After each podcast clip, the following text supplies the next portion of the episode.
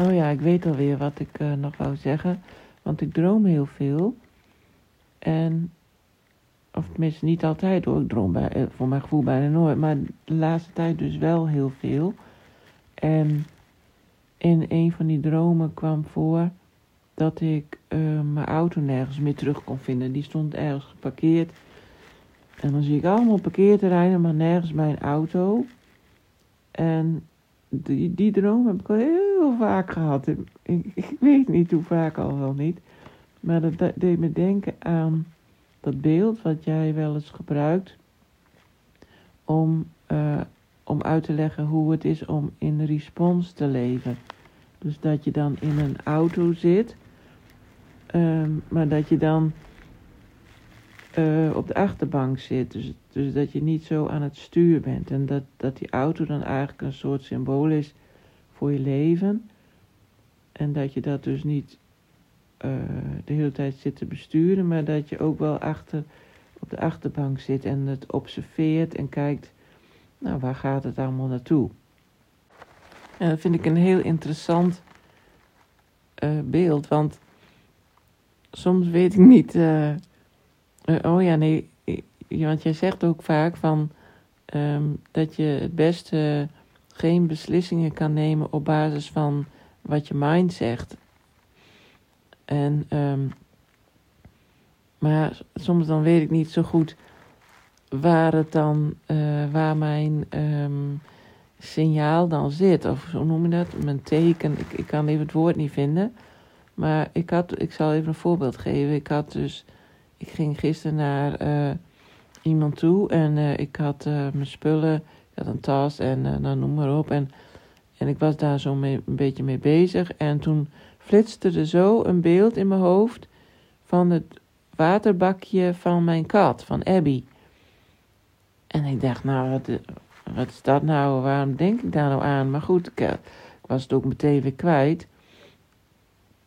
En toen ehm, was ik mijn schoenen, eh, deed ik mijn schoenen aan en toen zag ik het waterbakje van Abby.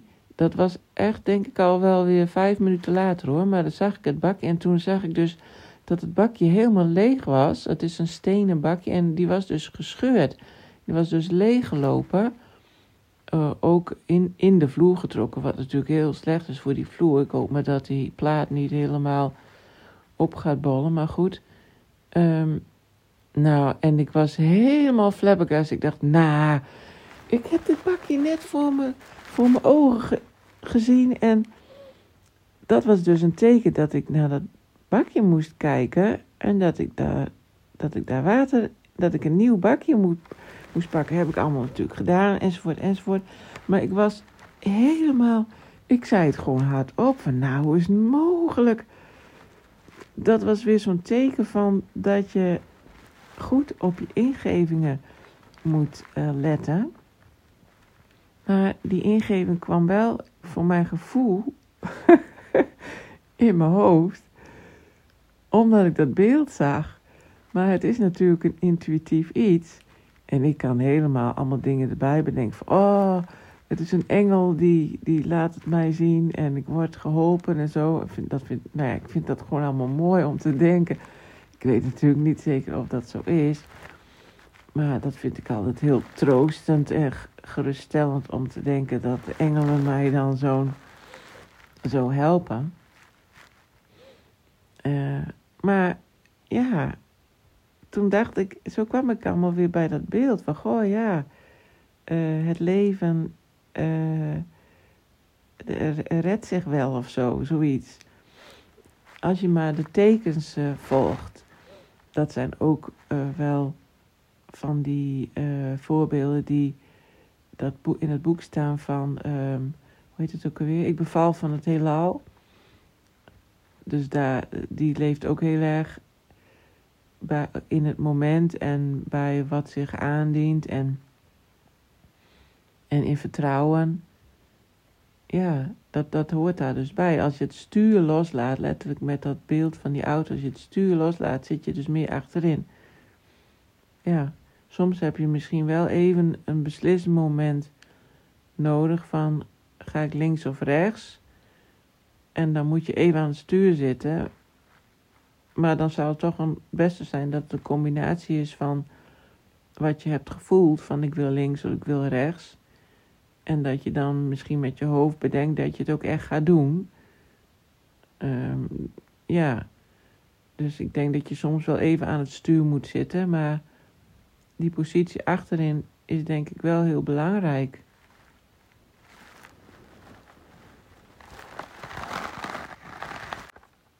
En het dringt, het dringt steeds meer tot me door dat dat volgens mij een soort uh, hoofdonderwerp van mijn uh, levensexperiment zou kunnen worden.